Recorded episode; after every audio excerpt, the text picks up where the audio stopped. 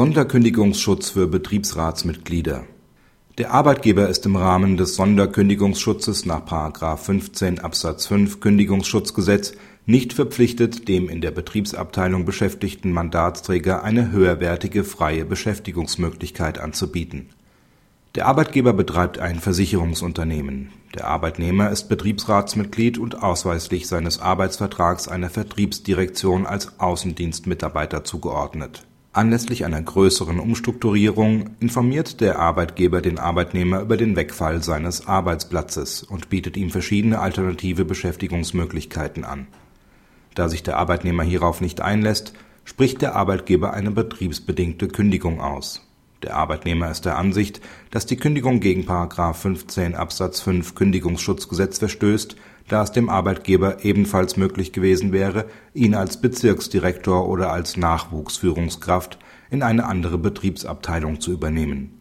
Das BAG weist die Sache zur weiteren Tatsachenfeststellung an die Vorinstanz zurück.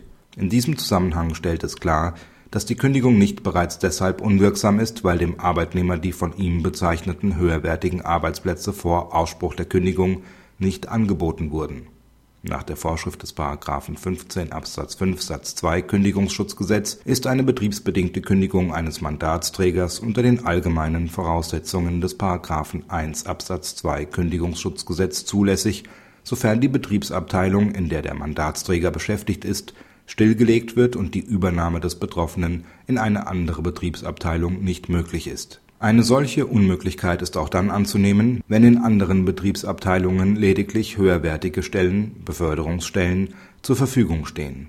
Eine Verpflichtung des Arbeitgebers, dem betroffenen Betriebsratsmitglied eine solche höherwertige Stelle vor Ausspruch der Kündigung anzubieten, besteht nicht Vielmehr gelten insoweit die allgemeinen zur betriebsbedingten Kündigung entwickelten Grundsätze, nach denen ein Arbeitgeber Weiterbeschäftigungsmöglichkeiten nur auf der gleichen oder einer niedrigeren Hierarchieebene zu prüfen hat.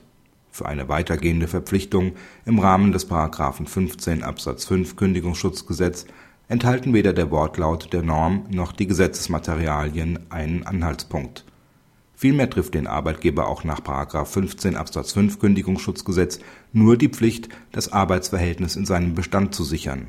Für einen Anspruch des Mandatsträgers auf wirtschaftliche Besserstellung entgegen der Organisationsfreiheit des Arbeitgebers ergeben sich aus dem Gesetz keine Hinweise.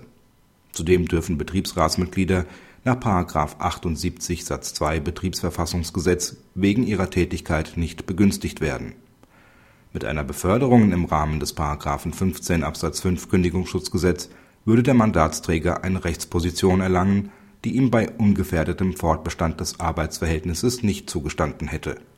Diese Rechtsposition würde auch über die Dauer des Sonderkündigungsschutzes hinaus fortbestehen.